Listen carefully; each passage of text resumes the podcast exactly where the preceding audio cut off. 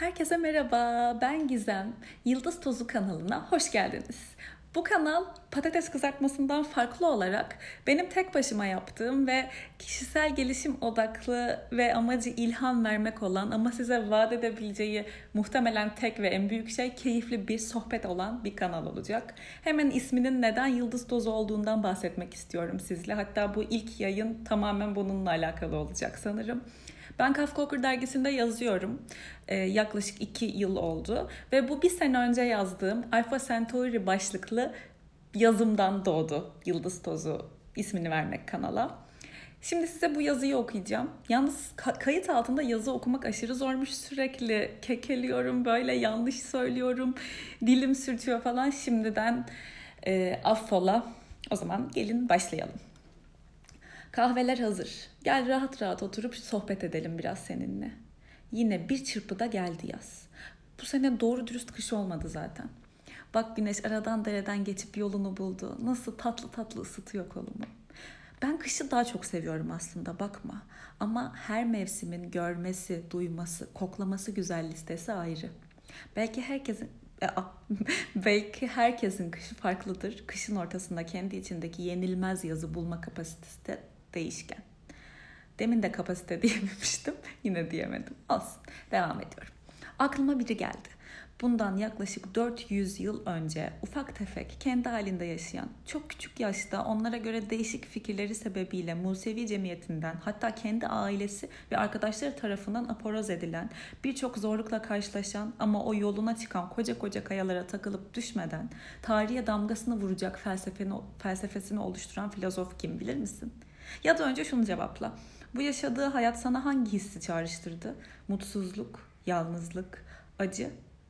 Spinoza için konu ironik bir şekilde veya tam olması gerektiği gibi sevinçti. Şaşırtıcı değil mi? Gündelik hayatımıza pek güzel ışık tutabilecek, herkesin kendi algı filtresinden geçirip çıkarttığı farklı düşüncelerle içini ısıtabilecek güçtedir felsefesi. İlgini çektiyse mutlaka araştır. Dur sen sormadan söyleyeyim.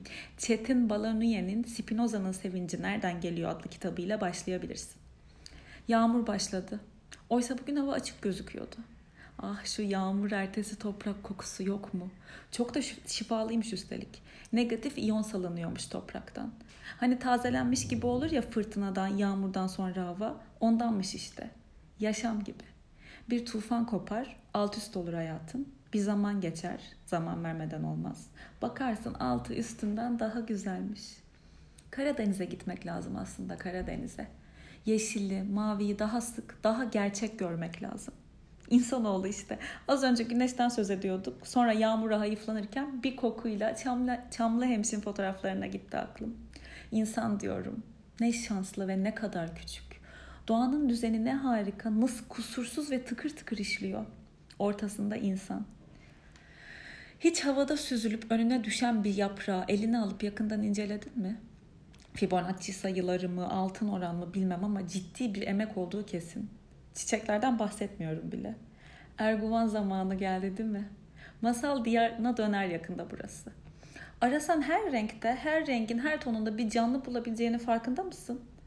Bu kadar güzelliği hak edecek ne yaptık diye düşünüyorum bazen.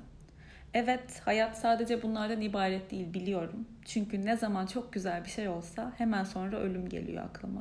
Kayıplar geliyor. Burnum sızlıyor. Sövüyorum pembeye, mora, denize, yağmura. Turgut Uyar arıyor sen de duyuyor musun? Açmamak olmaz. Ben sebepliyim denizler, denizle.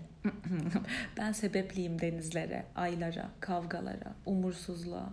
Bir maviyi durup dururken birine benzetiyorum. Bir balığın ağzını anlıyorum durup dururken, serinliyorum. Ama yok edemiyorsun işte gerçeği, doğumu, ölümü. Tüm kötülüklerin karşısında değişmeden duran tek şey doğa kaçamadığın ve aslında seni iyileştirip sana iyi gelecek olan da o.